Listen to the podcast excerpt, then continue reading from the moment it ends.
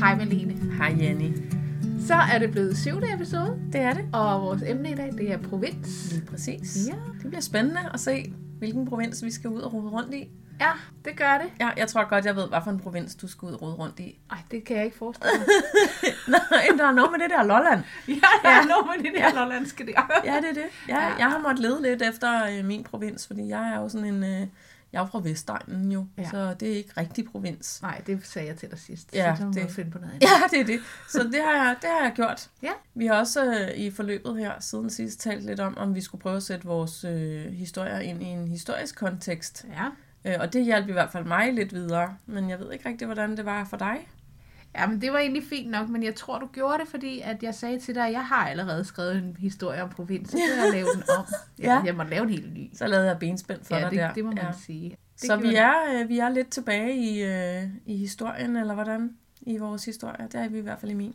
Jamen, det er vi også i min. Ja, okay. Så det, bliver, øh, det skal vi snakke lidt om i dag, tror jeg. Ja.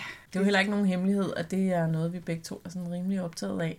Nej. Det der med historiske begivenheder og sådan noget. Men det kan vi snakke meget mere om, når vi, når vi har hørt nogle gode historier. Det kan vi. Så skal vi øh, igen i dag minde om, at man kan følge os på de sociale medier. Og der kan man også se billeder. Lige om lidt skal vi tale om nogle billeder, vi har sendt til hinanden, der passer til de historier, vi skal læse op. Og sådan er det hver gang her i Skriveløst podcast. Så hvis man vil være med på det, og på alt muligt andet, som vi deler øh, i perioden fra det ene afsnit til det andet, så kan man finde os på Facebook.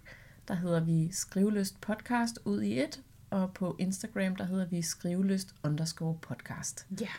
Og man er meget velkommen til at øh, dele og like og, øh, og skrive til os. Vi vil rigtig gerne øh, høre fra jer derude, så vær velkommen og, øh, og skriv gerne til os. Og man må også stadig gerne komme med forslag til emner, Ja, også vi det. kan skrive om. Også det. Det er man altid velkommen ja. til. Og en anden ting, som jeg synes, vi skal, måske skal opfordre til, det er, at øh, man er jo også meget velkommen til at skrive med. Ja. Øhm, fordi at vi afslører jo altid næste måneds emne, så hvis man sidder og hører podcasten her, så kan man jo lige spidse ører til sidst, så kommer næste måneds emne. Men øh, jeg synes, vi skal kigge på de billeder, som man jo så også kan finde på de sociale medier. Ja, lad os ja. gøre det. Og øh, da jeg skal læse højt først, Ja. så får du lov til at tale om det billede, jeg har sendt til dig. Så får jeg lov at tale om det her billede. Du har sendt et billede til mig, som øh, er det første, der springer ind i hovedet på mig. Det er noget med Morten Kork. Øh, det ser ud som om, det sådan er lidt ude på landet, eller øh, et eller andet sted. Der er øh, en hestevogn. Man kan lige sådan se øh, måsen af en hest, som om vi faktisk sidder oppe på kuskesædet. Det kunne godt være en bryggerhest, eller sådan en, en transporthest af en eller anden slags. Der er også et øh, billede, der er faktisk to, sådan nogle, øh, hvad hedder sådan nogle polaroid Polaroid-fotos. Polaroid-fotos, der er lagt ind over. Og på det ene, der er der to gammeldags mælkeflasker.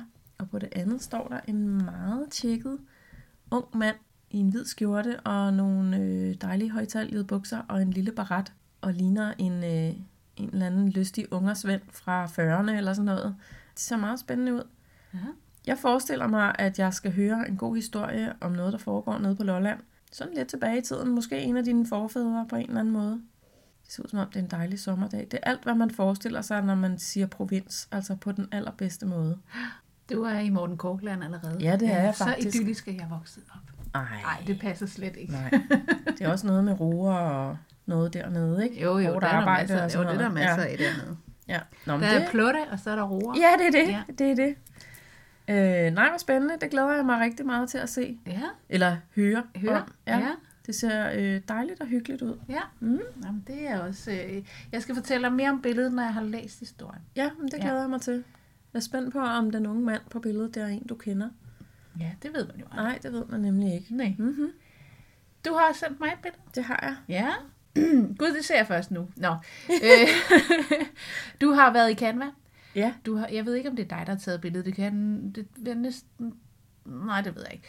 Det er Øh, baggrundsbilledet kan jeg jo se er sådan en havne, en lille landsby havnefront. mm. Det er ikke noget, jeg kan genkende. Der ligger et par små både. Jeg kan se, der er et bådehus, og så kan man se kirken helt i baggrunden, Mhm. og så ligger der et øh, rødt hus Mm. foran kirken. Øh, ja. Det er, og det, det er også sådan, jeg sådan tænker, det er noget landsby-idyl, der ligger ud Ja. til vandet. Ikke? Jo. Så rent grafisk sidder der et par på en bænk og kigger, der hvor jeg også kigger fra, Mhm. hen på den her landsby. Mm. Og det jeg først så nu, det var, der var et par skygger af nogle flyvemaskiner. Mm. Så øh, jeg tror, at du har skrevet noget om besættelsestiden. Ja. Ja. Og jeg tror også, det er en kærlighedshistorie. Mm-hmm. Og så har jeg jo... Ej, og det er jo fordi, at vi ses jo også, når vi ikke optager podcast. ja, det må man sige. Og så har du haft den der drøm om at skrive noget, der ikke fyldt ret meget. Ja, Og det er kommet til at lokke ud af dig, at det har du vist gjort den her gang. ja det er rigtigt. Så det er jeg meget spændt på, hvordan du får meget ud mm. lidt. Ja, jeg glæder mig helt vildt til at læse min historie for dig i dag, fordi det er rigtigt, hvad du siger. Jeg har jo drømt om i mange episoder at skrive kort prosa, Ja, og det er faktisk lykkedes for mig denne her gang. Ja. ja eller lad os nu se, om, om du synes, det er lykkedes, og om lytterne synes, det er lykkedes. Men jeg er selv faktisk meget glad for min historie, og den er ikke ret lang. nej. Altså en ting, der også slår mig på billedet, det er, at jeg synes, jeg kan se noget sol på en af husfacaderne, men jeg synes alligevel, himlen den er sådan grålilla. Mm-hmm. Ja, det er nok ikke helt lykkeligt. Nej, det er ikke sikkert. Nej, vi må se. Ja, det men må vi. øh, jeg må vel hellere starte med at læse for dig. Ja, ej, det glæder jeg mig til. Yes, lad os gøre det.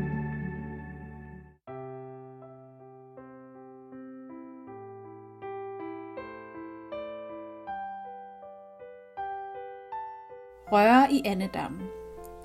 Vilfred kom ind i køkkenet og satte sig på slagbænken ved spisebordet efter morgens tur med mælkevognen. I dag havde han besluttet sig for, at han ville fortælle sin mor om Lili. Han var svedig i håndfladerne, og det var som om, der voksede en klump i halsen. Du er da blevet hurtigt færdig med din morgenrute i dag, sagde hans mor. Hmm, fremstammede han, og kunne mærke, at han var helt tør i munden. Hun stod ved køkkenvasken og hældte vand i kedlen til kaffe. Da hun havde sat den over brændekomfurets blus, greb hun ud efter de rigtige bønder og æsken med rikserstatning. Det var om at spare på den ægte kaffe, da der stadig var rationering selv her to år efter krigen. Hele familien samledes til formiddag, efter de havde været i marken nogle timer til morgen. Vilfred var fritaget for morgens arbejde på familiens marker, da han i stedet kørte rundt med mælk for mejeristen. På den måde bidrog han til husholdningen. Han var 25 år og endnu ugift. Bedrifterne under krigen havde sat en stopper for at forelske sig, da det var for uansvarligt, synes han. Seks af hans brødre og hans ene storesøster var allerede gift. De boede alle i nærområdet og kom som regel og hjalp til på fødegården, når det var høstsæson. Ham selv og de fire andre søskende boede stadig hjemme. Det burde derfor være en lettelse at fortælle hans familie, at han endelig havde fundet en pige, som han agtede at gifte sig med. Men han vidste, de nok ikke ville se på Lili som den rette for ham. De andre er tilbage om en halv times tid, forventer jeg, sagde hans mor. Det vidste han udmærket, men hun sagde det nok bare for at holde samtalen i gang, hvilket han ikke altid havde det lige nemt ved. Men i dag havde han noget på hjertet. Der er noget, jeg gerne vil tale med dig om, fik han fremstammet næsten lydløst. Hvad har? Jeg har mødt en pige. Hun stillede dåsen med kaffebønner på plads, tørrede hænderne af i forklædet og satte sig på taburetten ved bordet sammen med ham. Fortæl, sagde hun nysgerrigt og med et stort forventningsfuldt blik i øjnene. Hun hedder Lili. Lili? Hun tog hånden tænksomt op til hagen og granskede sin hjerne. Jeg tror ikke, jeg kender nogen, der hedder det her i området. Han vred sine hænder lidt i skødet. Lili var ganske korrekt ikke her fra egnen. Hun var en ung pige i huset hos Robert, som boede på den store gård kun få hundrede meter herfra. Hun havde været der et par år, så hans mor kunne have hørt om hende. Sladeren løb jo hurtigt hernede, og Lili var ganske bemærkelsesværdig. Det er fru Berns unge pige i huset. Jeg har kendt hende noget tid. Moren udstødte et gisp. Nej, sagde hun så. Ikke hende Københavner tøsen. Vilfred nikkede. Men hun er, hvad, 10 år yngre end dig, og så er hun meget næsvis, har jeg hørt. Hun tror, hun ejer det hele hos Robert. Lili var den eneste, der nogensinde havde kunnet sætte fruen på plads. Hun havde aldrig behandlet sine unge piger eller ansatte særlig pænt. Men Lili turde sige fra over for hende, hvilket overraskende havde glædet fru Berndt, som var blevet meget glad for hende. Vilfred havde set hende for første gang, da hun kun lige var ankommet hernede. Hun var smuk. Hun lignede Shirley Temple med hendes flotte krøllede hår, men hun var meget ung. Det var først for et års tid siden, han så hende rigtigt. Hun havde været på ferie hjemme i København og kom tilbage og var blevet en rigtig ung kvinde. De buttede lidt barnlige kinder var sunket lidt ind og var blevet til flotte kindben. Hun var altid så frisk i bemærkningen, og havde altid ville kontakten med ham. Hun var interesseret i mennesker. Det havde han altid følt. Men den dag for et år siden, efter sommerferien, havde hun stået i sin fine nye lysegrønne kjole, som også afslørede hendes knæ, når vinden tog fat i kjolen. Den dag havde han virkelig haft lyst til at tale med hende. Hun er kun otte år yngre, sagde han for at forsvare sig lidt. Måske det også meget godt med noget nyt blod i årene hernede. Mumlede han mest for sig selv, men hun hørte ham udmærket. Hans mor rejste sig og gik hen og skarbrød. Det foregik i meget hissige bevægelser. Hvad mener du med det? sagde hun vredt. Nogen skal jo finde sammen med andre end dem fra denne flække, ellers bliver det noget rod til sidst. Han var ved at bevæge sig ud på dybt vand. Sådan kunne man ikke tillade sig at tænke hernede. Men han blev provokeret over, at hun kategorisk afviste Lilly som et godt parti for ham. Men en københavnertøs vil aldrig forstå vores kultur, eller hvad vi er bygget af. Hun vil altid stikke ud. Er du virkelig sikker på, at det er det, du vil have? Du, som er så stille et gemyt. Nok var Vilfred lidt introvert, og han havde haft svært ved det med pigerne. Men det var nemmere med Lilly. Hun var mere direkte. Hun forstod ham og interesserede sig for ham. Han var sikker på, at hun ville løfte ham frem i livet, og de sammen kunne skabe et godt liv. Har du så tænkt dig at tage hende med her hjem? Ja, det er derfor, jeg fortæller dig om hende, sagde han, mens han kiggede ned i bordet. Han var sikker på, at Lille ville tage dem alle sammen med storm, når først de lærte hende at kende. Hvad tror du, din far siger? En københavner tøs. Det sidste mumlede hun. Kedlen hylede, og hun greb brydelapperne og fik taget den af varmen. Nej, min fine ven, lige børn leger nu engang bedst. Hun sagde det, mens hun kiggede ud af vinduet for at se, om de andre var på vej. Hun hældte det kogende vand over kaffebønderne på den store Madame Blå kande. En beskæftigelse, som plejede at virke beroligende på hende. Vilfred tav imens. Han tænkte på den dag, han havde kysset Lili første gang. Hun havde stået i køkkendøren ud til gården, som altid, når hun hørte hestenes skode hårde mod stenene og mælkevognens raslen. Hun smilede med sit blændende smil til ham, mens hun vinkede. Da han havde båret mælkeflaskerne hen til hende, bad hun ham komme med ind i køkkenet, hvor de brugte flasker stod klar til at komme med retur. Det var der ikke noget usædvanligt i, men denne dag havde hun spurgt ham direkte, om han havde lyst til at gå en aftentur med hende. Det havde han ikke kunne afslå, og havde heller ikke ønsket det. Den aften var hun i endnu en ny kjole, han ikke havde set hende i før, og hun havde sko med hæl på, så hendes læge var helt spændstige. De havde gået og talt, eller det var mest hende, der havde talt og fortalt om hendes liv under krigen i både København og Odense. Hun fortalte om hendes familie, som bestod af en mor, en lille søster og en lillebror. Det var ikke just den samme familiesammensætning, som han var vokset op i. Det, der slog ham mest, var, at der ikke blev nævnt nogen far. I stedet fortalte Lille om sin bedstemor i Odense, som hun elskede højt og holdt meget af at besøge. Heller ingen bedstefar blev nævnt. Hun havde også spurgt ham ind til hans familie. Da han havde fortalt om den, så sagde hun, at det var også sådan en familie, hun ønskede at skabe. Måske med lidt færre børn end 12. Det havde de begge grint lidt af, og så havde hun omfavnet ham og kysset ham helt spontant, og han kunne lide det. Han kunne lide hende. Nå, nu kommer de, sagde hans mor og fik vækket ham af hans tanker.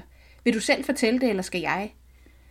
Hun var vant til at sige de lidt svære ting for ham, som for eksempel dengang han havde valgt at tage jobbet som mælkekusk, hvilket jo betød færre hænder til deres egne marker, men dog en ekstra indtægt. Inden han nåede at svare, kom hans far og brødre væltende ind i køkkenet og satte sig omkring bordet. Nå, sidder du her og dankderer den. Det er noget af en loppetjans at køre den mælkevogn, var, sagde hans far og gav ham et dunk i ryggen. Vilfred har tænkt sig at forlå sig med hende københavnertøsen hende fra fru Berndt, sagde hans mor, mens hun hårdt placerede fadet med smurt brød midt på bordet. Han nåede ikke selv at tage tiden, hvilket han for en gang skyld selv gerne have ville. Næh, sagde hans enebror begejstret. Hvordan pokker er det lykkedes der at få hende på krogen? Der blev helt tavst i køkkenet, og alle kiggede på broren nu. Jamen, har I set, hvor smuk hun er? fortsatte han. Hans brødre begyndte at tale i munden på hinanden. De var henrygte både over den fremmede pige, og at Vilfred endelig havde fundet sig en kæreste. Hans far klappede ham på skulderen. Hvis du føler, hun er den rigtige, så skal hun være så velkommen. Altså, hun skal ikke komme her og tro, hun er noget, sagde hans mor fornærmet over de andres begejstring, og umiddelbart accepterede Lili. Vilfred smilede ind i sig selv. Hans mor skulle nok blive omvendt.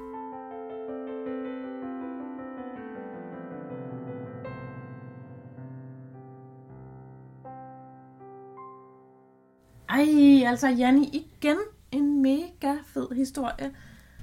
Jeg bliver fuldstændig grebet og revet med, og, øh, og sidder bare ude i det der køkken der og kigger rundt på sådan et, i sådan et gammelt bondegårdskøkken.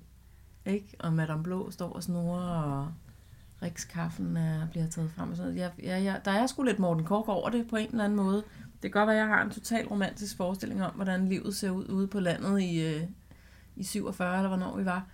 Men du, du har i hvert fald fået lavet et, et, meget, øh, et meget tydeligt billede for mig af, hvordan, øh, hvordan sådan en formiddag kan foregå i det køkken der. Ja. Super fed historie. Jeg tror, jeg ved, hvor, hvad, du, hvad du ville med den historie, fordi jeg, jeg synes, jeg har hørt dig sige nogle gange sådan noget med det der med, at man skal ikke tro, man er noget. Ja. Kan du ikke lige prøve at fortælle noget om, hvor det, altså hvorfor har du det med? Hvad, er det, er det det, var det det, du ville, eller, eller hvor kommer din inspiration fra til den her historie? Jamen, det jeg rigtig gerne ville, det var, det var to ting. Det er både det der, når man sætter ting i et historisk perspektiv, så ser man historien gentage sig. Mm-hmm. Dernede kan det godt være lidt lukket land. Det kan godt være lidt svært at komme ind udefra, og det har bestemt ikke været nemmere i 47. Nej. Den unge Lili er inspireret af min mormor, Ja. som var i huset Nå. og var meget ung, da hun kom derned, og var meget københavneragtig, Ja. og har ikke passet ind rent kulturelt. Nej.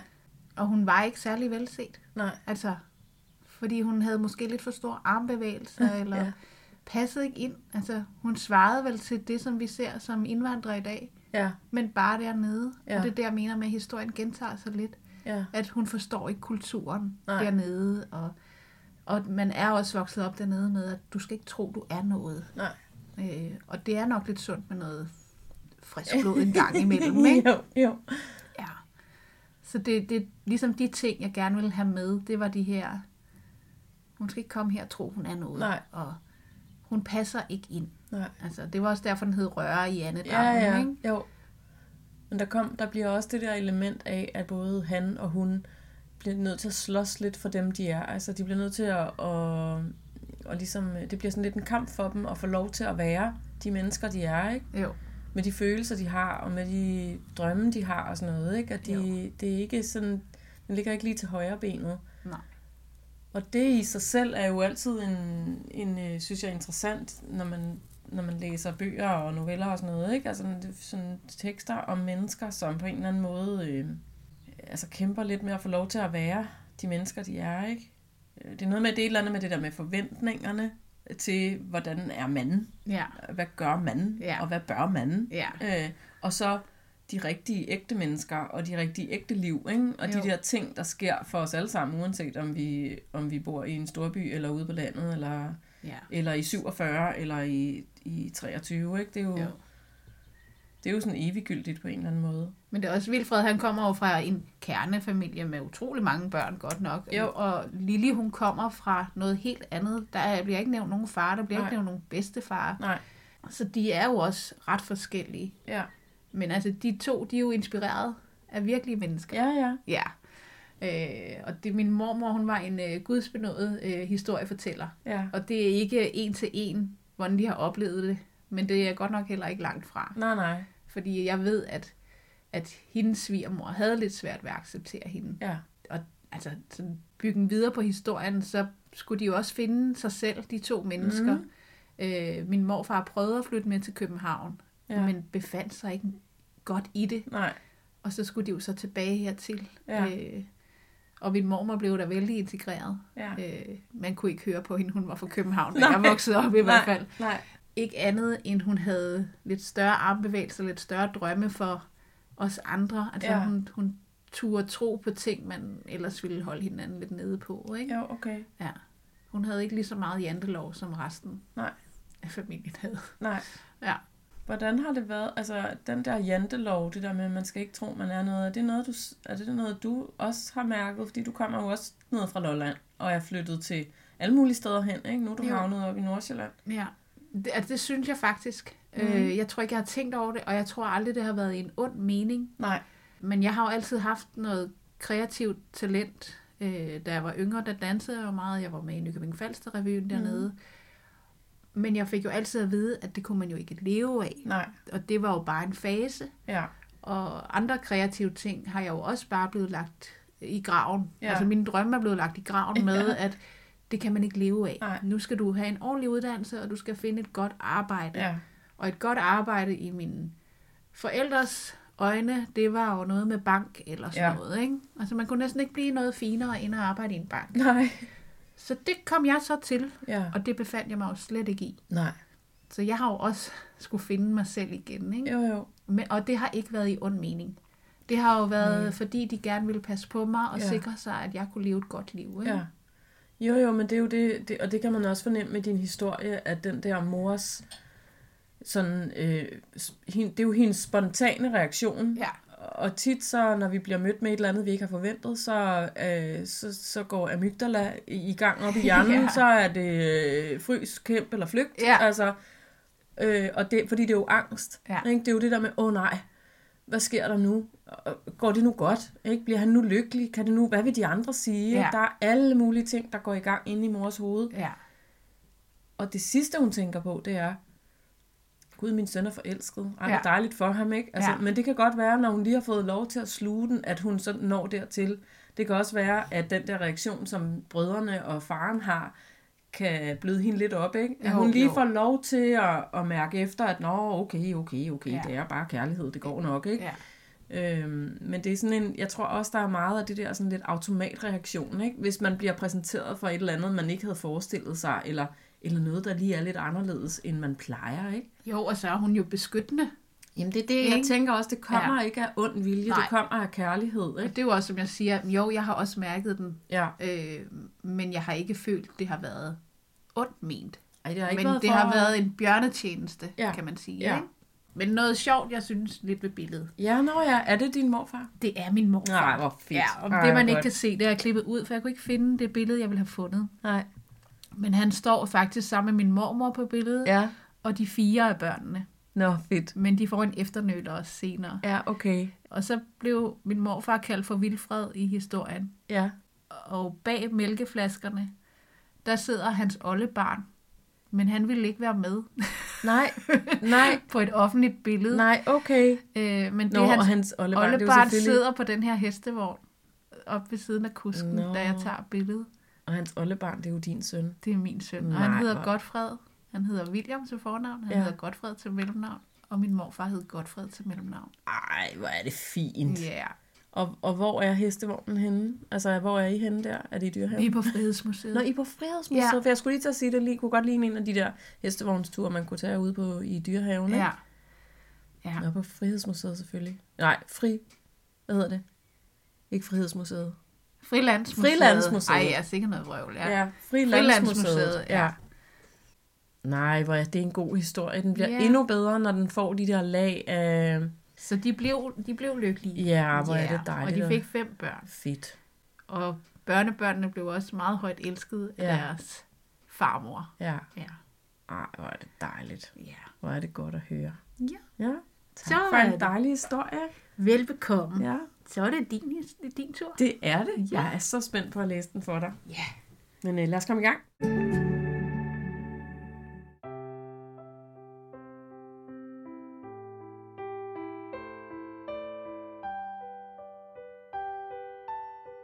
Opbrud. Hvorfor er du så urolig? Kan du ikke sætte dig ned? Det hele er helt forkert. Jeg kan ikke bare gå rundt her uden at gøre noget. Jeg må gøre noget. Hvad mener du? Altså, kan du ikke sætte dig ned? Du gør mig helt urolig. Han sætter sig på bænken ved siden af hende. Han ser ud over landskabet og den lille by med kirketårnet og den gamle banegårdsbygning. Toget fra Dalmose kommer tøffende i det fjerne. Jeg holder det ikke ud. Jeg har besluttet mig. Jeg rejser til København med 17-toget i morgen efter arbejde.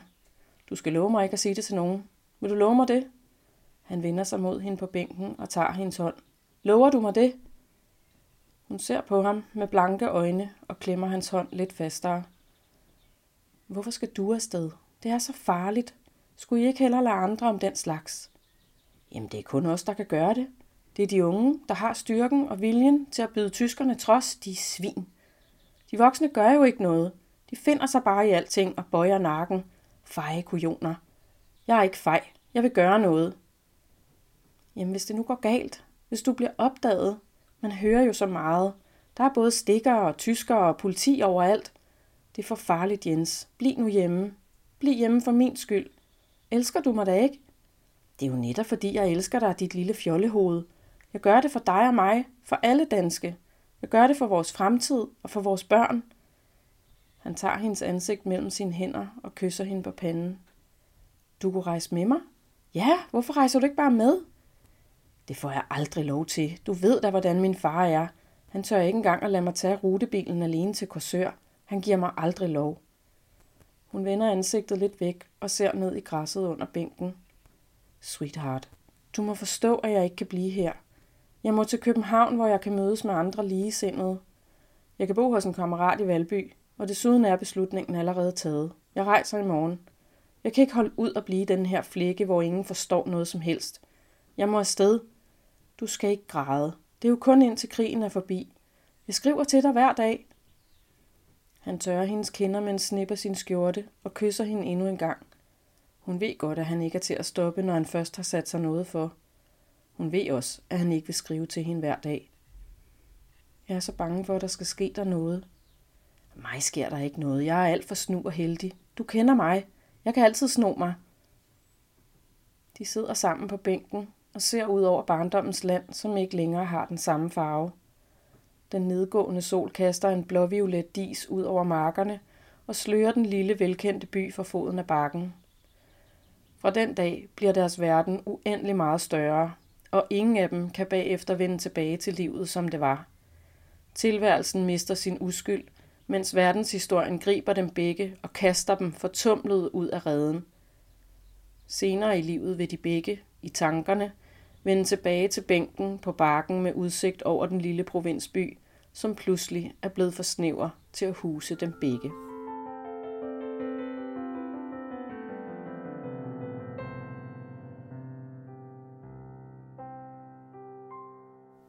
Så fik du da lige lavet en kort historie. Det gjorde jeg. Ja. 618 ord. Wow. Mm. Ja. Mm.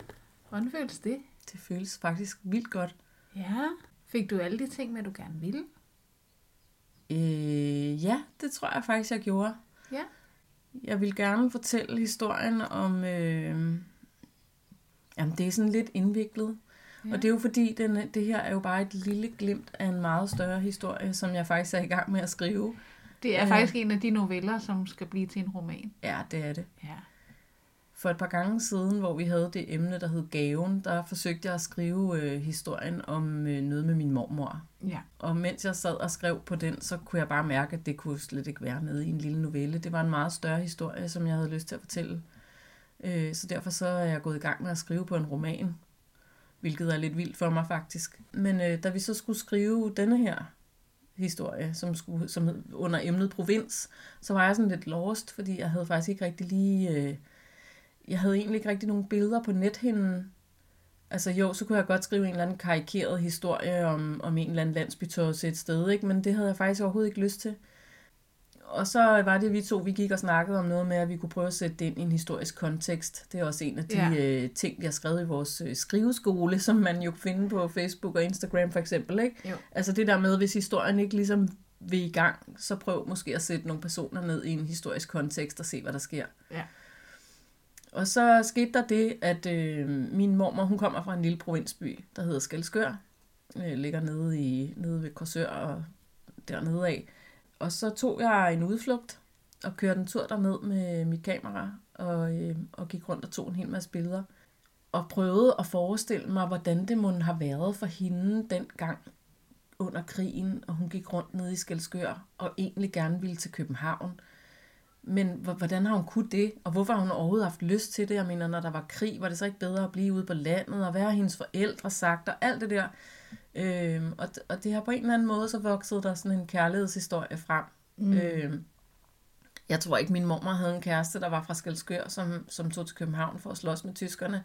Men, men det blev ligesom det, der blev set oppet, eller det var det, der var, øh, det var det, der blev, det var det, der blev min scene. To unge mennesker, der sidder og, og er forelskede, men også må skilles, fordi der er noget i deres omgivelser, som, som gør, at de er nødt til at bryde op. Ikke? Den ene har en udlængsel og en, en trang til at slås, og en trang til noget med retfærdighed og, mm. og deltagelse i, i den der modstandskamp og sådan noget, og, og et andet menneske, der synes, det er alt for farligt, og egentlig hellere vil, vil prøve at holde fast i normerne og i det almindelige familieliv og sådan ja. noget, ikke? Men du fanger også meget godt, det, altså trods teksten er så kort, fanger man både det historiske element, man fanger de unge, mm-hmm. man fanger den der ungdommens udødelighed, og det er ja. bare os, der skal klare det. Vi kan sagtens klare det. Altså, der kan ikke ja. ske os noget, ikke? Ja. Og det der lidt hovmod på en eller anden måde, ikke? Altså, man sådan, jo, jo. Det, det, der sker ikke også noget. Ja, det er jeg kan sno mig, ikke? Jeg ja, skal ja, nok, øh, ja, der sker ikke, og ja. du skal ikke være bange, der sker ikke mig noget. Nej. Så... Og det har de fleste unge mennesker sikkert troet. Fordi sådan er det også at være ung. Ikke? Man har jo den der usårlighed og, og tror, at man kan gå på vandet. Jo, jo. Øhm, og det, øh, det er der en god grund til. Unge mennesker har jo brug for at være risikovillige, fordi de skal ud og lære en hel masse nye ting. Ikke? Men, ja. men, øh, men jeg tror også, der er mange, der er blevet fanget lidt i historien. Altså kommet lidt ud på dybt vand. Ikke? At de er, pludselig har de været involveret i nogle ting, som, har, som de slet ikke har kunnet overskue. De har i hvert fald nok ikke kunnet overskue konsekvenserne, tænker jeg. Nej, nej. nej. Nej, men det der med, når vi, når, når vi tænker tilbage på, på det der øh, under krigen, altså går der lidt Morten Korg i det lidt ja. nemt, ikke? Det jo. der med, når det, det er sådan lidt romantisk, og, øh, og sådan, øh, åh, hvor spændende, så var han modstandsmand og sådan noget. Ja, ja, men det var også dødeligt alvor. Ja. Og det var mennesker af kød og blod med tanker og følelser og drømme og frygt og alt muligt, ligesom vi har i dag. Ikke? Altså, jo. det har ikke været anderledes dengang. Nej. Nej. Bare fordi det er mange år siden. Ikke? Så jeg, øh, jeg, jeg forsøgte sådan at, at gå ind i den der følelsesmæssige øh, situation, der hedder et eller andet med, jamen jeg har en masse her, hvor jeg er, ja. men der er noget, der er større. Og der er noget, der er så vigtigt, så jeg er villig til faktisk at give afkald på min egen øh, Morten Kork-idyl, mm. fordi, fordi jeg må gøre noget. Ikke? Men det er også, når du skriver så kort, så er det jo så også en lidt en teaser på en eller anden måde. Ikke? Jo, jo. Altså det er lige et blik ja. og så er vi væk igen. Ja. Øh, jeg synes, der mangler lidt en eller anden afrunding på en eller anden måde. Ja. Eller et, et lille sådan et, det ved jeg ikke, om der skal være et overraskende vendepunkt hver gang, men der mangler lige et eller andet. Mm. Øh, selvom det fungerer jo fint. Mm. Altså, det, det er slet ikke det, men det er, man kan godt mærke, man kommer ikke dybt ned i personerne, mm. det vækker bare sådan en nysgerrighed på, hvem ja. er de her. Ja. Så det er Men ligesom det er jo også det, bagsidetekst. Ja, det er rigtigt. ja, den ja. kunne godt være bagsiden af en roman, eller en, øh, sådan en, ja, en, øh, et lille resume eller ja, et eller andet. Ikke? Ja. Jo, men jeg tænker også, altså kort prosa i ordets konkrete forstand er jo kort. Altså, ja, ja, og det er jo, ja. jeg, jeg, sådan, jeg elsker de der tomme pladser. Ja. Altså, jeg kan godt lide alt det, der ikke bliver fortalt. Ja. Øhm, og vi snakkede lidt om det sidste gang, af sådan en type som Bent Haller, som jo altså uden sammenligning er jo en meget dygtig forfatter, og ja. har skrevet rigtig mange både tykke, lange bøger og små bitte korte, og for voksne og for børn og for alt muligt. Ikke? Jo jeg er så fascineret af det der med, hvor meget han kan fortælle på ikke ret meget, på ikke ret mange linjer, ikke? Jo. Så, og jeg havde det sådan, øh, vi har også, altså det er også noget, vi har snakket om før, det der med dialogerne og sådan noget, ikke? Altså man kan, man kan vise meget om personer i, i, i, igennem dialog, ikke? Jo. Øh, måden de taler på, og måden de får sagt ting på, siger noget om dem. Jo, så, men det gør øh, din jo også. Altså, man ja. kan godt mærke frygten i hende, og ja, men og jeg også. tror, Skal vi ikke bare at, lade det blive ved det gamle-agtigt, ikke? Ja, bliv nu bare her, ja. og lad os nu ikke råd, ikke råd ja. i Anne Tror du ikke, det er nogle andre, der skal tage sig Ja, præcis. Men, men det er også det der med, at øh, altså jeg tror 80% af min tekst består af dialog, ikke? Ja. Så det er jo en, det bliver sådan scenisk, det ja. er ligesom et lille klip i en film eller sådan noget, ikke? Jo. Øhm, og, og alt det, der er rundt om dem, det, det, det får man ikke ret meget af, vel? Det skal man ligesom selv se for sig. Jo, men øhm. alligevel får du fortalt, hvor vi er i tiden. Du får fortalt, mm-hmm. at der er noget, der er vækket i ham. Han, mm-hmm. må, mhm. han har også noget netværk ja. inde i ja. København. Det ja. får vi jo også at vide. Ikke? Altså, vi får alligevel ret meget at vide på mm-hmm. ret lidt. Ja. Så prøvede jeg at skrive den der slutningen, sådan helt, helt sådan kort prøvede jeg at skrive det der med, at det er sådan et, øh, det er sådan et øh, skæbne øjeblik for dem. De kan, de kan aldrig vende tilbage. Altså når de går, når de går fra hinanden på den bænk der, hmm. så er de forandret begge to for altid. De kan aldrig ja. vende tilbage. Og, og så det her med, at de senere i livet, jeg forestiller mig som gamle mennesker, tænker tilbage på den, den aften, hvor de sad på bænken. Ja. Sådan for sidste gang i deres barndoms, ungdomsliv, øh, mens de stadigvæk bare var almindelige unge mennesker på, ude i provinsen, ikke? Jo, det er jo det, der er lidt sjovt, det der med vendepunkter i ens liv, ikke? Jo. Altså, at man, man er jo ikke klar over det i det vendepunktet. Er Nej, det, nej. Det er sådan noget, man kan kigge tilbage på Ja. og tænke, det var lige den dag, Ja. at forandring skete, Ja. ikke? Jo, jo, men det kan man slet ikke overskue, når man Nej. Sidder i det. Det er først lang tid senere, man kan, at man kan ligesom markere, nå, men det var lige der, den dag, at mit liv tog en eller anden drejning, ikke? Jo. Jeg har taget en bog med til dig, Ja, fedt. fordi jeg jo vidste, du havde skrevet kort. Ja. Det er en øh, graphic novel. Uh, ja, det er en også godt. illustreret roman, Ja. der i 64 krigsdigte. Okay. Det vil sige, at der er noget billede i, og Mhm. der er små korte digte, men man har skrevet en hel øh, fortælling, Okay. også under besættelsestiden, Ja, ja. På meget, meget, altså det tager ingen tid at læse den, Ja, men man får rigtig meget at vide, ja fedt. plus der er efterladt rigtig meget til fantasien. Ja, ikke? ja. Og det lyder så fedt. tænkte, den, det var den lige, jeg øh, mig det til var at lige noget for dig. Ja, helt sikkert. Øh, har så selvfølgelig selv læst den, ikke? Jo, jo. Øh, det er Thorstein Thomsen, som har Mhm. lavet en, der hedder Hadet. Okay. Ja. Hvad står der? En... En illustreret roman i 64 krigsdigte, Okay. og så står der tegnet af Mikkel Sommer. Nå, fedt. Ej, den glæder jeg mig til at bladre i. Ja, det, det tager ikke så lang tid at komme ind. Nej, okay. Øh, Så det er jo også skrevet meget kort. Ja, ja, ja, Men fedt. alligevel får man rigtig meget at vide, og, der, og når det er en roman, så skal der jo være flere personer i, og det klarer man faktisk ret godt også. Ja, okay, Ja. fedt.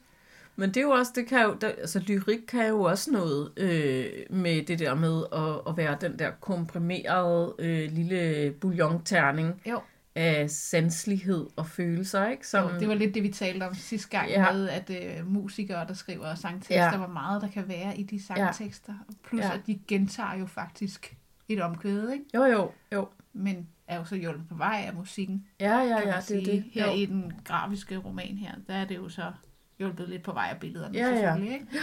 Men, Men øh, det kræver det er også lidt meget en underkendt øh, genre, de her graphic novels, det, som graphic novels, faktisk de kan, kan rigtig virkelig meget. noget. Ja, helt sikkert. Jeg elsker graphic novels. Ja.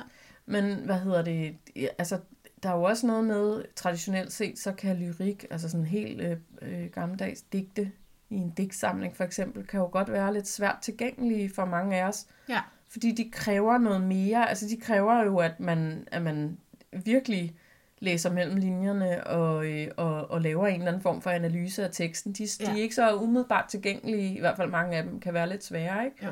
Og der synes jeg jo, at når man så sætter musik på, så, kan mus- så hjælper musikken, det bliver sådan en fødselshjælper til at ja. Ja. forstå nogle, i hvert fald nogle stemninger, ikke? Jo. Og det kan en graphic novel egentlig også, at billederne på en eller anden måde kan, kan være sådan et stilas omkring teksten, der ja. Ja. gør, at den kan være lidt, øh, lidt, lidt mere tilgængelig på en eller anden måde, ikke? Jo. Så, Jeg synes, Ja, den det vil jeg slet ikke- lige, øh, den passede Ej, den lige lyder- til, det lyder meget perfekt. en øh, Ja. kort, øh, det kort glæder, historie, den den her glæder gang. mig mega meget til at bladre i. Det er også ja. en Ja. fed forside, den har. Ja, den er meget fed. Ja. Altså, når du siger, at digte kan være svære at læse, det er det her ikke. Nej, nej. Det, er, det skal ligne, at det er skrevet som, som dagbog, Mm. men af en meget ung pige, faktisk. Okay, ikke? fedt, som fedt. står sådan lige på tærsklen til at blive voksen. Okay, ej, hvor er det fedt. Der findes en, øh, en tysk forfatter, hun hedder, jeg sidder lige og kigger på den her, hun hedder Nora Krug, eller Krug. Hun har skrevet en, øh, lavet sådan en graphic novel, der hedder Heimat, som, øh, som er sådan en sjov, øh, næsten sådan en helt collage med billeder og dokumenter. Ja. Altså øh, alle sådan nogle øh, gamle dokumenter, sådan noget identitetskort og øh, afhøringsprotokoller og alt sådan noget. Halløj, den, den handler også om, øh, om, især om efterkrigstiden, og så om en tysk familie, og det der med at leve videre med efter, altså efterkommerne af dem, der levede under 2. verdenskrig. Ikke? Ja. Og den er fyldt med tegninger, og med digte, og med dagbogsnotater, og med øh, alt muligt. Sådan en sådan meget collageagtig. Den er vildt fed. Ja. Den er faktisk rigtig spændende at læse i. Men det det er ligesom en helt anden historie, fordi det er, det er taberne af krigen, Ja. og det, det gjorde ved dem, der kommer efter. Ikke? Jo. Det, fordi det er, jo en, det er jo en helt anden historie. Det er en anden historie, end den vi fortæller os selv i Danmark i hvert fald. Ja, det er det. Ja. Så, men den, er, den kan jeg altså også virkelig anbefale. Den er Ja, den faktisk ret rigtig, spændende. rigtig spændende Ja. og godt lavet også. Ikke? Så ja, Ja. fedt. Jamen, det var en, øh, en, en dejlig lille bouillon Ja, du har lavet det. til mig i dag. Det, Det var jeg glad for at høre. Ja. Og jeg ved, du har været spændt på at læse den højt. Jamen det har jeg helt Ja. sikkert, fordi det, øh, det har været... øh, Ja, men jeg som sagt har jeg jo kæmpet med, med længden hver eneste gang. Ikke? Hver gang Jo. nærmest har jeg sat mig for, at i dag skal jeg skrive noget kort, og det er bare ikke rigtig lykkedes for mig. Men igen, så synes jeg, altså du, du ramser jo ikke, du har det med nogle gange, når du vil male billedet for os, så Mhm. ramser du mange ting op, og Ja. det har du måttet koge virkelig ned, men Ja. alligevel synes jeg, du har fået mange billeder ind i mit hoved. Men det har jeg også forsøgt. Altså Ja. ja. jeg har forsøgt at lave den der... Øh, der er lidt omkring det der med, at de sidder og kigger ud over byen, og der er noget med en togstation og en Ja, ja. kirke, ikke? Fordi det, jeg prøvede ligesom at finde sådan nogle, hvad er det for nogle highlights, der ligesom kan være for at markere. Ja. Ja. For mig er kirken sådan noget med, jamen det er noget med traditioner, og det er sådan noget, Feste. Ja, men også noget med, hvad der er rigtigt og forkert, og hvad man Oh, må, ja. og hvad man ikke må. Og sådan. Der er ligesom noget stabilitet i det, Ja. jeg ved ikke, om det er sandt, men, men det, sådan har det været i mit hoved. Ikke? Og så den der banegård, øh, og toget, der også kommer tøffende, Ja. øh, som ligesom er vejen ud, eller vejen væk. Ikke? Jo. Øh, som, som jeg synes var ligesom det, jeg, det jeg sådan... Det var de to øh, institutioner, hvis man kan sige det sådan, som kunne, som kunne hjælpe mig med at placere dem i landskabet. Ikke? Jo. Og så sidder de og kigger ud over den der lille by, som de kender ud og ind. Ikke? De Ja. kender hvert et gadehjørne og hver en lille kringel, og de kender alle personerne, og, ja. og altså alle kender alle, og alle ved, hvem hinanden er. Ikke? ja. Øhm, der er også det der med, at han siger til hende sådan noget, du må ikke sige det til nogen. Det er en hemmelighed, at han tager afsted. Ikke? Ja. Altså, han har tænkt sig egentlig bare at forsvinde, og så lover han at skrive hjem hver dag, og selvfølgelig kommer han ikke til det, fordi hun ved også godt, det ved de begge to, at lige så snart han har sat sig på toget, så har han lagt provinsen og hende bag sig. ja. Og så kan det godt være, at han engang vender tilbage til hende. Det melder historien så ikke noget om. Vel, men hun ved godt, at i samme øjeblik, han sætter sig på det tog og kører ud af den der lille provinsby. Det er et evigt farvel. Jamen, og verden derude er bare meget større, så han ja. Har ikke tid til, eller lyst til at sidde og skrive hjem til hende hver dag. Hvorfor Nej. Skulle han dog også det? Nej. Men vi, vi er jo begge to meget optaget af besættelsestiden og, øh, og det der med at skrive romaner, fordi det er jo faktisk noget, vi begge to går og pynser på. Ikke bare pynser på, det er faktisk noget, vi gør. Ja. Vi har ovenikøbet også været på øh, skrive-retreat Ja. øh, og, øh, og sådan noget. Men jeg synes, vi skal tage, tage den tråd op igen i vores litteratursamtale. Og, øh, Det synes jeg også. Og Og så har jeg taget endnu en bog med til det. Ej, hvor er det godt. Ja. Fedt. Yes. Så lad os gøre det. Nå, Malene. Ja. Jeg synes, at vi skal fortælle lidt om vores skriveweekend, vi har haft sammen i sommerhus. Ja, lad os gøre det. Og det synes jeg, vi skal fortælle om, fordi at det giver noget helt specielt at have en skrivemarker. Mm. Ikke bare gå i en skrivegruppe, hvor man skriver på hver sit og er mange, men at have en, man deler Mm. det hele med. Ja. Skriveproces, plotning, tekster, Frustrationer. frustrationer. Mm. Ja. Jamen helt sikkert. Altså vi var jo lidt inde på det for et par gange siden, hvor vi talte om skrivefællesskaber, ikke? Jo. Altså vi to har jo taget vores skrivefællesskab et skridt videre, kan man sige. Fordi vi har vi valgte at, øh, at låne et sommerhus Ja. og tage afsted. Vi tog afsted fredag eftermiddag efter arbejde, og så var vi i sommerhus til søndag eftermiddag. Ja. Og vi havde lidt lavet en plan hjemmefra, der hed, at vi, øh, vi skulle skrive, skulle vi spise, så skulle vi skrive, skulle vi spise, så skulle vi skrive, så skulle vi sove, så skulle vi skrive. Altså det var lidt sådan, ikke? Ja. Vi skal bare, jo, vi skal også lige ud og gå en tur. Men, Ja. men det var, det handlede primært om at skrive. Jo, og så handlede det også lidt om at dele med hinanden, ikke? Jo. Sharing is caring, som Ja. du sagde. Nå ja, det var Ja. det, vi havde på vores, øh, det var faktisk det, vi ville starte med, ikke? Ligesom Jo. starte weekenden med at dele med hinanden, hvor er vi henne i vores øh, forløb, og, og hvad, hvordan går det, og hvad går vi og roder med, og hvilke øh, frustrationer har vi, og, og så videre, ikke? Jo. Det hører med til historien, at da vi to lærte hinanden at kende, der øh, vidste vi bare, at vi begge to var interesserede i at skrive, og at vi begge to havde lyst til at skrive mere, og at vi også havde lyst til at lave en podcast. Ja. Og så startede vi ligesom derfra. Og så har vi jo haft det her format, der hedder, at vi skriver noveller fra gang til gang. Og så, du har i virkeligheden i lang tid skrevet på romaner, Ja. øh, flere romaner, som du har fortalt mig om en gang imellem, og jeg har lidt sådan tænkt, nå okay, men det er overhovedet ikke noget for mig, fordi det kan jeg slet ikke overskue. Det er alt for, det er alt for svært. Ja. Men som sagt, så øh, var der en af vores, øh, et af vores emner, som ligesom lagde op til en historie, som viste sig at være for stor for mig. Og pludselig kunne jeg se for mig, oh, okay, man kunne måske godt noget med et eller andet. Ikke? Pludselig var der en idé, der blev sådan vagt i mig, og jeg fik lidt lyst til at prøve kræfter med, med romanen. Og noget af det allerførste, jeg gjorde, da jeg ligesom fik den tanke, det var at ringe til dig. Ja. Jeg tror, jeg skal skrive en roman. Jeg kan mærke, at jeg har en roman i mig, ikke? Jo. jo, og så var der faktisk, da du, ja, det er faktisk rigtigt, Ja. men nu kommer lige til mig. ja. Øh, fordi så mødtes vi. Mm-hmm. og tog på café, og så Ja. havde du allerede lavet sådan helt visuelt Nå, overblik. ja, det er da rigtigt. Du havde ja. tegnet en tørresnor, og så havde du allerede sat alle mulige punkter ind. Og en af mine største kæpheste, Ja, det er at plotte. ja, Jeg har så svært ved det. ja. Men du havde gjort det her, og det så så fint ud.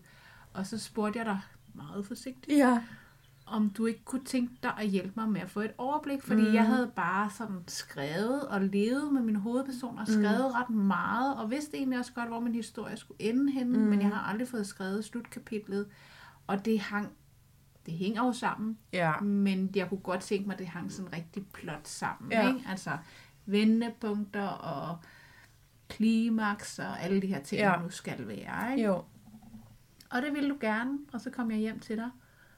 Og så havde du hængt en rigtig tørresnor Ja. op inde i huset. Ja, Og øh, havde klemmer klar og papirlapper, sådan lidt Ja. større papirlapper. Ja. Ja. F5, tror jeg, det ja jeg, havde, jeg havde simpelthen klippet øh, A5-karton ud Ja, øh, Og og, fundet små træklemmer, ja. så vi kunne hænge det op. Ja, og så havde vi post-its i forskellige farver. og så begyndte jeg bare at dele Ja, hele min historie med dig ja. øh, ud i en køre. Ja, altså, det der var hverken egentlig- hoved eller hale, Nej, det jeg fortalte dig, synes jeg en, selv. en stor hårbold, du ja. Øh, fortalte og fortalte, og jeg sad og skrev ned, jeg lavede sådan lidt, sådan noget, lidt mindmap-agtigt Ja. noget, og forsøgte at danne mig et overblik. Jeg kendte jo ikke din historie. Nej. Jeg vidste, at du skrev noget om, om besættelsestiden og sådan noget, Ja. men jeg anede jo ikke, hvad din historie egentlig handlede om. Nej. Men du delte øh, hele historien, alt det du havde, og alt det du godt kunne tænke dig og sådan Ja. noget, det delte du med mig, og jeg sad og prøvede at skrive ned undervejs og sådan noget. Og så, øh, det var meget sjovt, ikke? fordi du, du havde selv sådan en fornemmelse af, at det var en stor sådan rodet pærevælling, ja. Ja. som ingen ville kunne forstå. Ja, Men jeg kunne jo sagtens forstå. ja. Og så tror jeg, at nogle gange så sker der jo det der med, at man får sådan gravet sig ned i et eller andet hul, hvor man ikke rigtig, man mister overblikket, ikke? Jo. Men fordi jeg kom helt udefra, så kunne jeg sagtens se en eller anden form for overblik i Ja. din historie. Og så begyndte vi at dele det op i en, en slags kapitler, tror jeg, ikke? Øh, og så hang vi, så sagde vi, "Nå, men okay, kapitel 1, så sker der det og det. Hvor er vi henne, og hvad er datoen, og, Ja. og sådan noget. Og så hang vi det op på tørresnoren. Og til sidst så havde vi mange kapitler hængende ja. på den der tørresnor, og så kunne man jo pille nogle af dem ned og bytte rundt på dem, og det blev meget tydeligt at se, når der mangler noget, der, er en- der Ja. mangler en overgang fra her til der, og ja. når det der, det har du ikke nået at fortælle øh, endnu, det må du lige have, have op allerede over i kapitel 4, for ellers ja. Ja. forstår man det ikke i kapitel Nej, 8 og sådan noget, ikke? Og det var første gang, jeg synes, det var fedt at plotte. Og jeg Ja. ja. synes det lige siden. Så har vi faktisk lavet samme øvelse med din. Ja, Ja. det har Og vi. det er jo det der, man, hvis man har en skrivemarker, og man siger, nu går vi ned i materien på Ja. hinandens historie, det Ja. er så fedt. Altså, Ja. Fordi du havde jo også nogle frustrationer i forhold til tid, Ja, ikke? det havde jeg. Øh, Og så jeg troede egentlig, at jeg havde overblikket. Jeg troede, ja. fordi jeg var ligesom startet med overblikket, eller havde forsøgt i hvert fald at lave en eller anden form for kapiteloversigt eller sådan noget. Så jeg synes, jeg havde styr på det. Ja, Men da jeg så gik i gang med at skrive, så gik, jeg, så gik der kluder i det for mig. ja, Og så var det helt vildt dejligt at kunne række ud til dig og sige, du gider du ikke hjælpe mig med den der tørresnorsøvelse, ja. fordi jeg skulle lige brug for nogle friske øjne, ikke? jo. Og så fik vi plottet min historie også, og vi fik, øh, det der egentlig var rigtig vigtigt for mig, det var at finde ud af noget med noget kronologi, Ja, og nogle datoer og sådan noget. Hvor lang tid skal der gå fra det ene til det andet? Fordi er det, er det troværdigt, at der kan ske så og så meget på ja. fire dage, eller skal der hellere gå tre uger, eller ja. Ja. hvor er vi henne, ikke? Jo. Så det det, er har første været- gang i mit liv, jeg synes, det har været fedt at plotte. Ellers har jeg simpelthen ikke kunne forstå det der plotning Nej, rigtigt. nej. Jo, det har jeg godt. Men, men jeg har ikke selv kunne lykkes med det. Nej, Så det der med at dele det med nogen, altså få en skrivemarker, hvor man er to, og man skriver hver sin Ja. historie. Også fordi vi skriver faktisk meget forskelligt. ja, Det har den her podcast jo lært os, når Ja, vi skriver ja. noveller. ja. Øhm, det er ikke så farligt Nej, at dykke helt ned i hinandens historie. nej.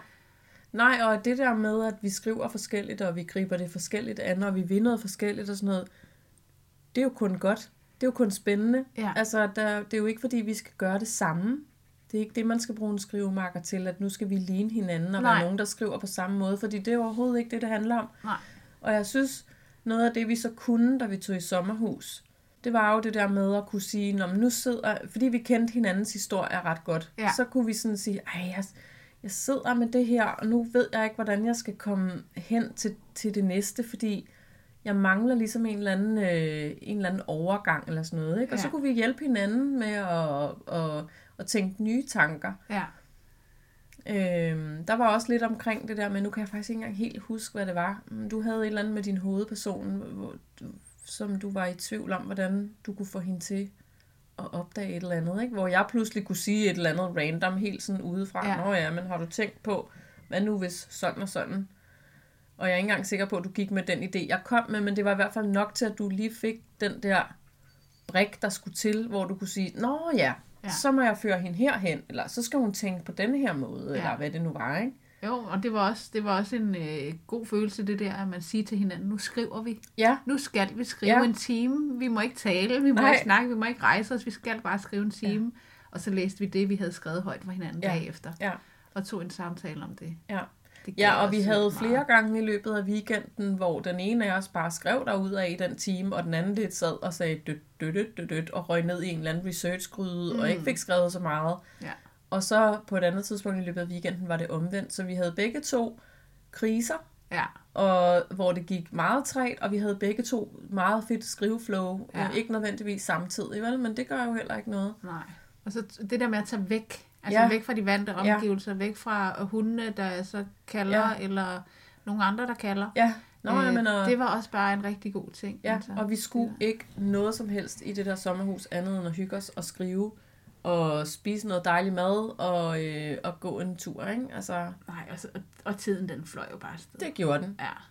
En Og anden vi- ting, vi lavede, Mm. det var, at vi lavede nogle skriveøvelser. Ja, hvor at jeg sagde, nu skal vi lave en positiv anmeldelse af vores bog. Vi ja. Forestiller os simpelthen, at den er udkommet. Ja. Nu kommer der en god anmeldelse. ja, Og så skulle vi skrive den. ja.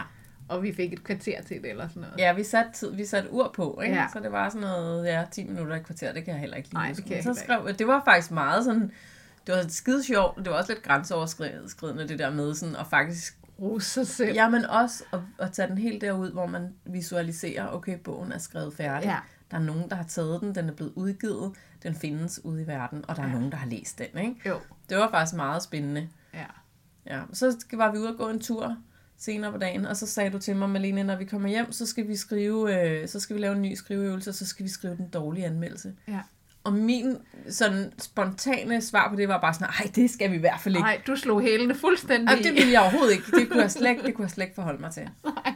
Fordi det synes jeg bare sådan, nej, det er fandme for negativt, eller for, det kan jeg, det kan jeg overhovedet ikke. Nej. Men så fik Ej, jeg lige... du skulle lige have lov at summe Ja, jeg skulle, lige tænke, jeg skulle lige tænke den færdig og lige summe lidt. Og så, så var det sådan lidt, Nå, måske ville det være, faktisk være en meget god måde at få øje på alle de der, al den der, hvad jeg er bange for. Ikke? Ja. Hvad er det værste, der kan ske? Ja. Jamen, så okay, så lad os prøve at skrive den. Og det var faktisk en virkelig fed øvelse. Og det var hyldende morsomt. Ja, det var det. Det var det. Og så havde jeg taget en bog med, Ja, der hedder Fremtidssans, ja, skrevet af Anne Skar Nielsen og Henrik Havgaard. ja. som handler om de her dæmoner, der blokerer for de mm. Mm. drømme, du har. Øh, og så læste jeg et par, et par dæmoner op for dig, Ja, og øh, det synes du var meget sjovt, og Ja. nok fordi, når man kan genkende noget af sig selv, så øh, ja. ja. Jamen, det var skide sjovt, og jeg skyndte mig at skrive, der var en af de der dæmoner, den er altså virkelig anbefalesværdig, den bog der, men der var en af de der dæmoner, de beskriver, som hed Kompleks Rex. Ja. Og det er den der, øh, der får en til at, sådan at overkomplicere alting. Ja. Og jeg har simpelthen en post-it seddel siddende inde på, der, hvor jeg sidder og skriver, hvor der bare står Kompleks Rex. Ja. Fordi det var virkelig sådan en, jeg kunne kende, ikke? Øh, så det, var, det synes jeg var vildt fedt at få øh, billeder på, de Ja. ja. der, også de der overspringshandlinger og sådan noget, man kan, man kan råde rundt med, ikke? Jo. Og jeg har faktisk fundet en anden bog. Ja, Den fandt jeg i går. ja, Jeg var en tur i Malmø. Mhm. Øh, og den er på engelsk. Ja. Øh, den hedder Creative Demons and How to Slay Them. uh, Ja, så den er lidt i samme genre. ja, ja, Øh, og det er jo noget med, at øh, mange kreative mennesker, de øh, døjer simpelthen med de her dæmoner. Mm. Den blanke side er også i det Ja. hvide canvas, det blanke papir, ja, den blinkende cursor. ja, Så det er også en, øh, en øh, selvhjælpsbog til Ja, kreative til kreative mennesker. Ja, ja, så den er meget interessant. Jeg har jo så ikke læst den endnu, jeg fandt den i går. Ja, ja, ja, Men den øh, slut, slutsætningen på bagsiden hedder It's time to say farewell to your demons and make your next creative project the very best it can be. ja. Nå, det er meget sjovt. Så Men det er i hvert fald, øh, det er i hvert fald øh, øh, altid en god ting, det der med at få skeletterne ud af skabet. Ikke? Finde ud af, hvad jeg er bange for. Face your fears. Ja, Ja. Også, og, og face your demons også. Ikke? Ja. Og finde ud af, nå, okay, men måske har jeg lige en tendens til at overkomplicere tingene lidt. Ja. Eller måske har jeg lige en tendens til at øh, tale rigtig grimt til mig selv og tro, tro, at jeg ikke kan nogen ting. Ikke? Ja. Altså, Jamen, så især når vi begge to skriver historisk, ja, så vil man jo godt have tidslinjen, altså man Ja. vil godt have den historiske tidslinje til at passe med det, man skriver i historien, for det Ja. kan ikke undgå at påvirke. Nej, Og man, det værste, der kan ske, føler man selv, ja, det er jo det der med, at nogen kommer og siger, "Mm, det passer jo ikke. Nej. Der skete jo det og det og det dengang, så Ja. det kan jo ikke lade sig gøre, at de fløj Nej. verden rundt, eller Nej. whatever. nej, nej, nej.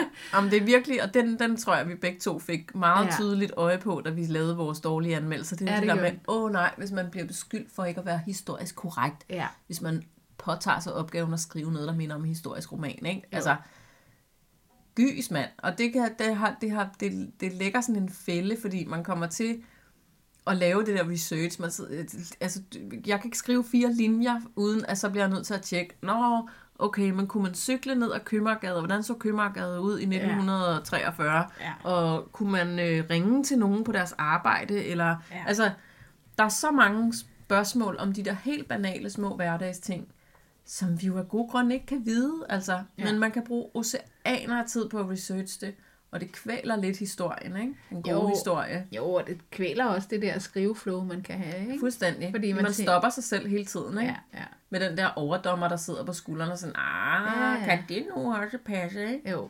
Den er interessant at få øje på. Den er rigtig interessant at få Ja. øje på. Ja. Men altså, vi kan jo i hvert fald, øh, vi kan anbefale i den grad, find dig en skrivemarker. Det ja. er virkelig en god ting at have en skrivemarker. Ja. Vi kan også anbefale det der med at plotte sammen, Ja. dele historien. Og helt konkret øh, var den der øvelse med at lave en tørresnor og hænge kapitler op på den og flytte rundt på dem med post-it-sedler og sådan noget, var virkelig, øh, altså var virkelig effektiv. Ja. Og så, øh, og så, så synes jeg faktisk, den der skriveøvelse med at skrive den gode og den dårlige anmeldelse af ens egen tekst, den kunne, altså, det kunne altså virkelig også noget. Ja, det var det faktisk kunne en, øh, en rigtig sjov og grænseoverskridende øvelse, men, men endte med, at vi, altså, vi skrubgrinede, og vi fik skulderen helt ned, og det var overhovedet ikke farligt, vel? Nej. Så det var faktisk, det var faktisk rigtig sjovt. En Så rigtig vil jeg bare lige sige det der med, at vi siger, at vi kan klart anbefale at finde en skrivemarker. Ja, Jeg ved også godt, at det er ikke bare lige nej, til. det er det ikke. Det er rigtig, rigtig svært. Ja, Og nu er vi jo bare så heldige, at vi har fundet hinanden. Mm. Sådan, jeg synes nærmest ved en tilfældighed. Ikke? jo jo. Øh, og du boede lige i baghaven. Altså, Ja, det var og også Hvor mærkeligt, jeg følte, ja. at jamen, hvis jeg skal finde en skrivemarker, så findes hun nok kun inde i København. Ja. Og hun er sikkert også meget yngre end mig, og meget dygtigere. Og, Ja.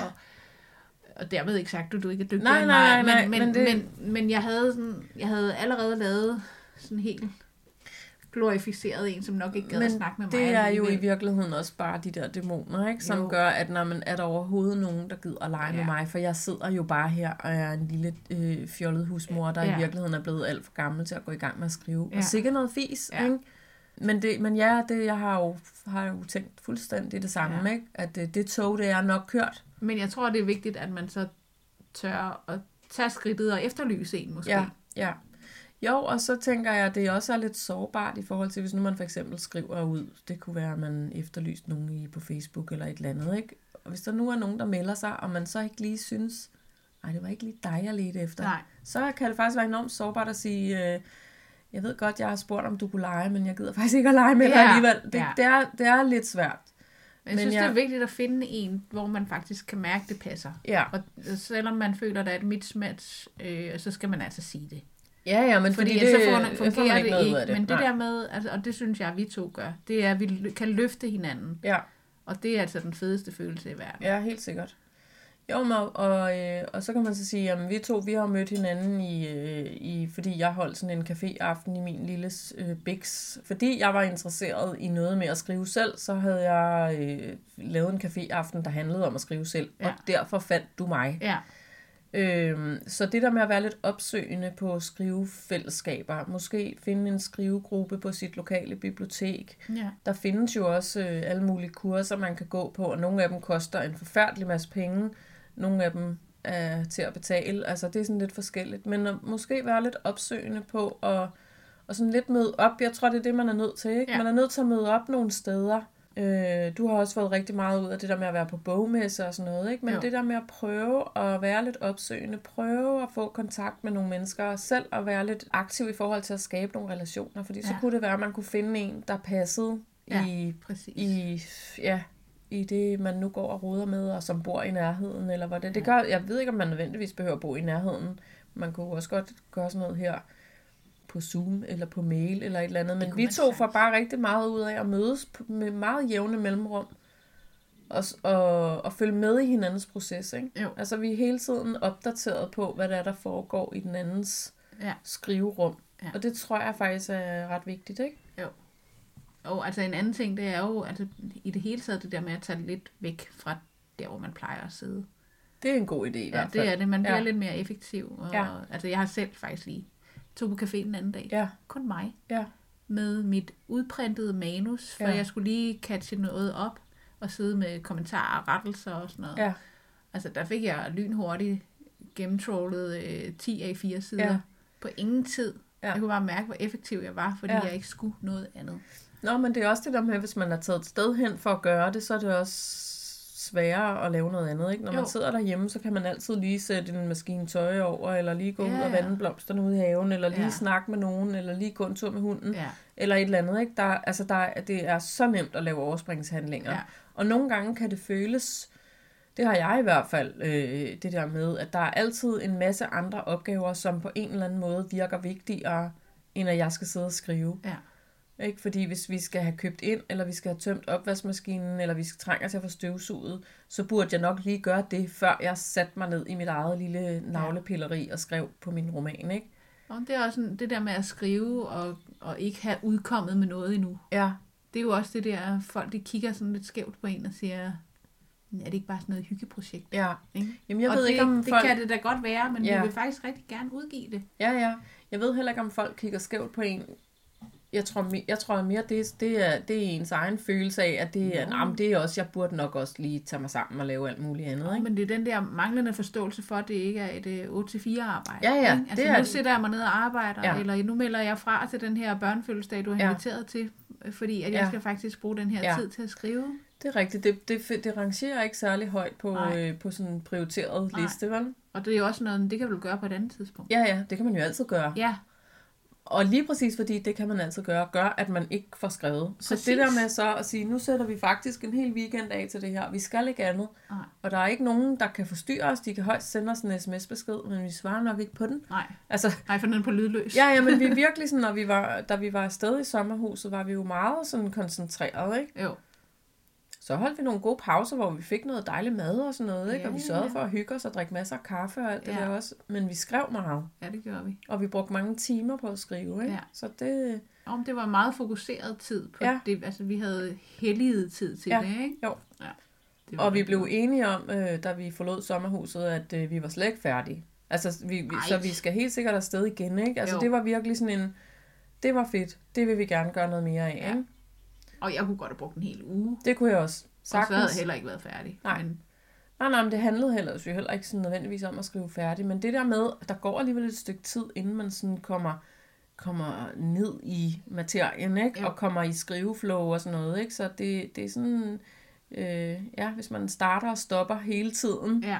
så, øh, så, så, så sker der ikke så meget. Så det der med at, at ligesom sige, nu, nu, nu er der nogle dage, der er taget ud af kalenderen, og nu er det det her, der foregår. Ikke? Ja. Så får man virkelig mulighed for at fordybe sig Ja. i sit arbejde, og det er bare rigtig, øh, det er rigtig dejligt. Det er det. Så det vil vi anbefale. Og så tror jeg, at øh, det er måske, jamen, det er jo lidt en tilfældighed, at vi begge to er så optaget af det der med besættelsestiden og, og alt det der, der foregår, eller foregik dengang. Der gik lang tid, inden jeg opdagede, at du var det.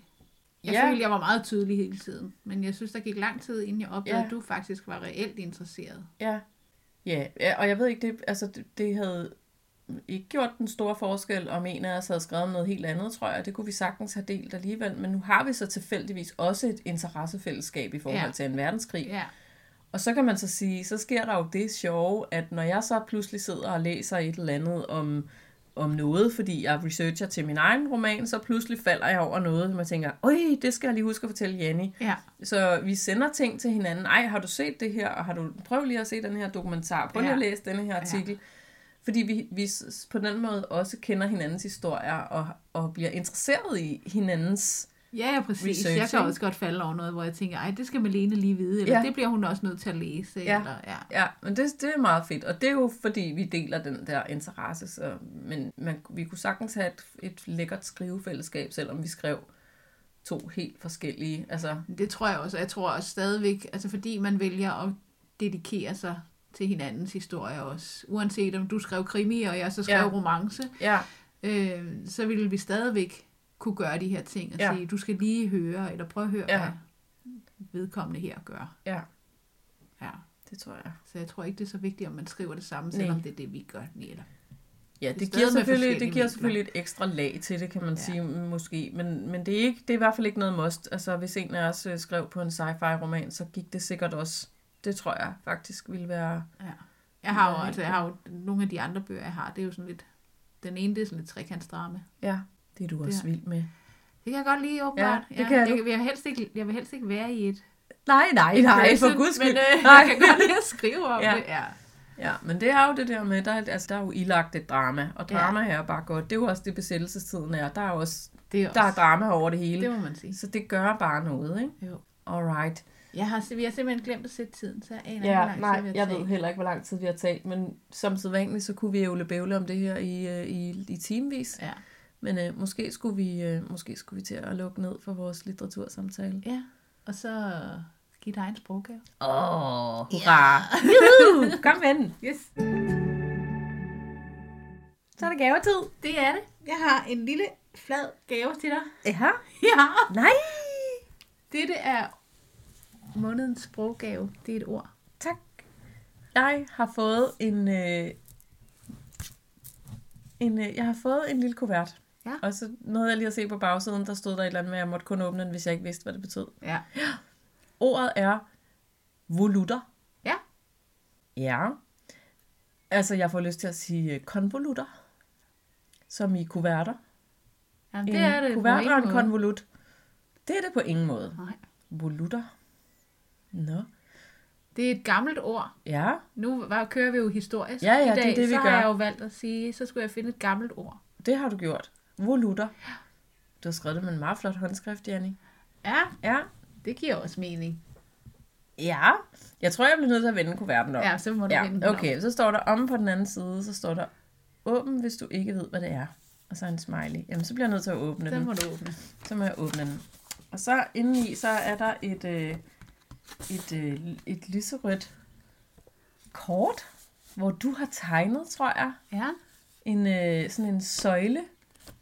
En, øh, ligesom sådan en romersk, eller sådan en græsk søjle. Ja. En ionisk søjleorden. ja, Og øverst på søjlen, der er der så sådan nogle ornamenter, som er sådan nogle, øh, mm, hvad skal man sige, sådan, altså vi har den lange søjle, som er sådan et, øh, et sådan en lang cylinder, ja. og så oppe i toppen, så er der ligesom sådan en, en, et hoved på den, eller hvad man skal sige, med en tværgående, ej hvor er det svært at forklare, men vi skal nok lægge et billede ud af den, men den der tværgående pyntedims, der er for oven, altså oppe på søjlen, det er simpelthen en, volut. Det er faktisk de der spirallignende ornamenteringer, der hedder volutter. Okay. Fordi nu er der jo to på den ja, ja, så hedder det selvfølgelig volutter. Så, så en er en volut. Men ellers, så, når der er to på, så er det volutter. En volut, to volutter. Og det er en, øh, en græsk antik ionisk søjleorden. Så den siger noget om tidsperioden. Så det er sådan et arkitektonisk oh, begreb. Men det er meget sjovt, fordi ja, det er vildt sjovt. jeg så øh, Hammerslag. Ja, Ja, det hedder det. ja. øh, hvor de kom ind i sådan nogle herskabslejligheder, og så udbryder hende den ene som arkitekt, så udbryder hun bare, nej, og med volutter og alting. Og så tænkte jeg, hvad pokker er volutter? Hvad er det? Ja, Nå. Og så måtte jeg jo google det, og så Ja. fandt jeg ud af, at det var simpelthen de der spirallignende ornamenteringer på søjlerne. Ja. Ej, ved du hvad, Og det, det, synes altså... jeg var sådan et flot ord. Jamen, det er det Og også. så sagde, Involut. så sagde min mand, så siger han, så skal du komme det i en konvolut. Ja, selvfølgelig. Jamen, det var også det, jeg Den tænkte. i. konvolutter. Ja. Og så, kom, så, så tænkte jeg, "Nå, men hvis det ikke er konvolutter, så er det, så er det sutsko, ikke? Fordi at, øh, det kan man også kalde at gå i flade konvolutter. Nå, nej, det er det ikke. Men så, Nå, grunden så til, det var så flot, det er, fordi Ej, jeg har faktisk den. hentet til de spirallignende ornamenteringer på V'et i starten og på R'et i Ja, slutningen. det kan jeg godt se. Ja, Ej, hvor er det skægt. Og ved du hvad?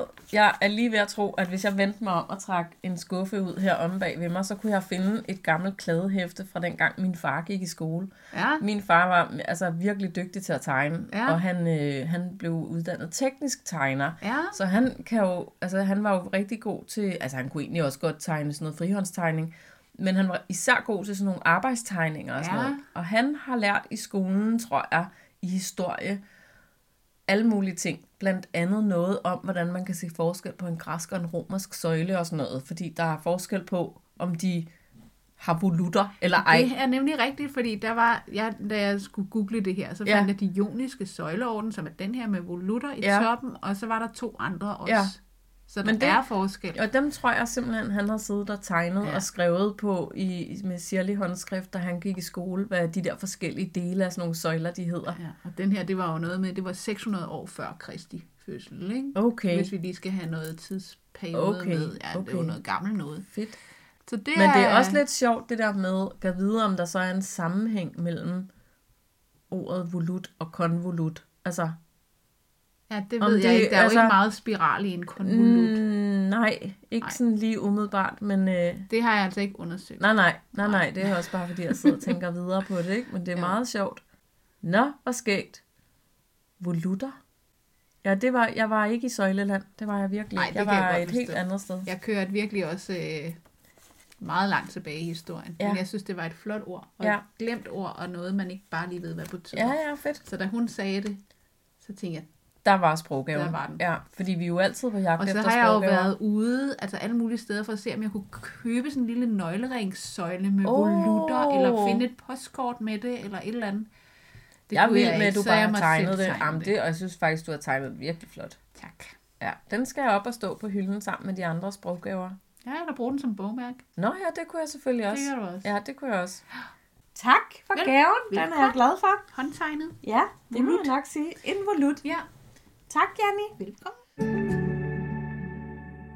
Så skal vi have trukket Ja, det skal næste vi. måneds emne. Det skal vi, og vi skal se, om vi kan få det gode dåseplop med, fordi Ja. at øh, når jeg åbner dåsen, så skal du trække næste måneds emne. Jeg håber, jeg kan få lov at skrive jeg-person igen, for det gjorde jeg heller ikke den her gang. Nå, nej. Nej. Jeg ryster lige dåsen lidt. Og så kommer ploppet. Og så skal jeg trække Så uden trækker at du uden at kigge. Åh, oh, det er altid så spændende. kigge. Man har lyst til at kigge. Ja, Der var den. jeg kan bevidne, at du ikke kigger. Ja. Oh. Livsvidende. Ej, den, Ja. den er faktisk virkelig god, tror jeg. Livsvidende. ja, den er god. Oh man. Så bliver det... Øh, jeg, jeg fornemmer allerede nu, at vi kommer ud i nogle af de der sådan lidt føle-føle, rørende. Ja, Og så det lægger godt op til en jeg-person, ikke? det gør det. Ja. Det gør det. Livsvidende. Ja. Livsvidende, det er jo nogle af de der mennesker, der har fulgt en på sidelinjen gennem livet.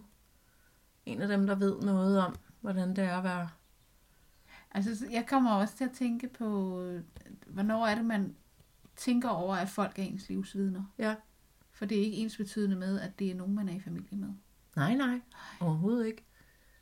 Nej, jeg tænker, det er nogle af de der mennesker, som har været, altså som, som man har kendt længe. Eller nogen, der har stået tæt på en, mens der er sket noget skilsættende i livet, ikke? Jo. Det bliver spændende. Den laver du ikke kort, vel? Nej, det tror jeg Nej. ikke. Nej, det kan du ikke. Kan du ikke lide de korte? Det kan du ikke. Det skal heller være længere. Ja, jeg kan godt lide det. Jamen, jeg kan også godt lide de der tre sider, de passer meget godt. Ja, Nej, jeg tror heller ikke, den bliver kort, den her. Den kræver vist lidt mere. ja. Ej, det bliver meget spændende. Det gør det. Ja. Hold da op. Nå, livsvidende, det er spændende. Det er så til episode 8.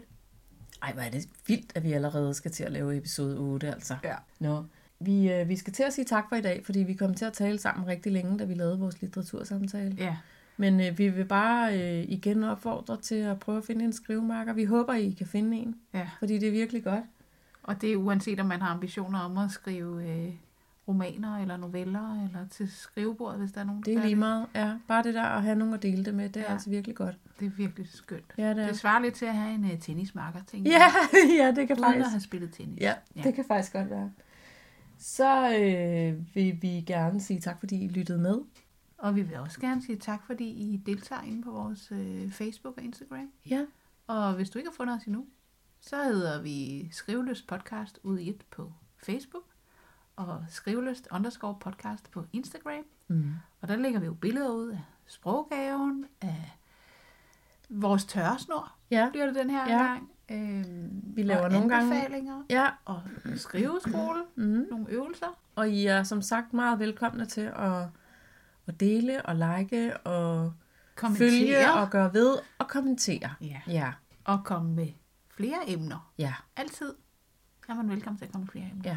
Og hvis nu man øh, går og er med i en øh, skrivegruppe et eller andet sted, så kunne man jo også øh, fortælle lidt om det ude på vores side, så andre kan finde en, hvis Ja. man har lyst til det. Det må man gerne. Jeg tror, at øh, vi skal sige tak for i dag. Det tror jeg også, vi skal. Uden alt for meget... Øh, Uden alt for mange- farvel. Uden alt for mange volutter og dekorationer. Ja. Nej, det kan man nok ikke bruge ordet på den måde, men øh, Nej, men man kan godt tale om, at når man taler lidt i spiral, inden man Ja. kommer til sagens kerne. det, ikke? vi, vi går lidt rundt om Og så det gør vi det nu alligevel. Så Ja. vi siger tusind tak, fordi I lyttede med den her gang. Og husk at følge os inde på podcast-appen også. Og ja. husk at like denne måneds afsnit. Ja. Tak fordi I lyttede med. Vi høres ved. Hej. Hej.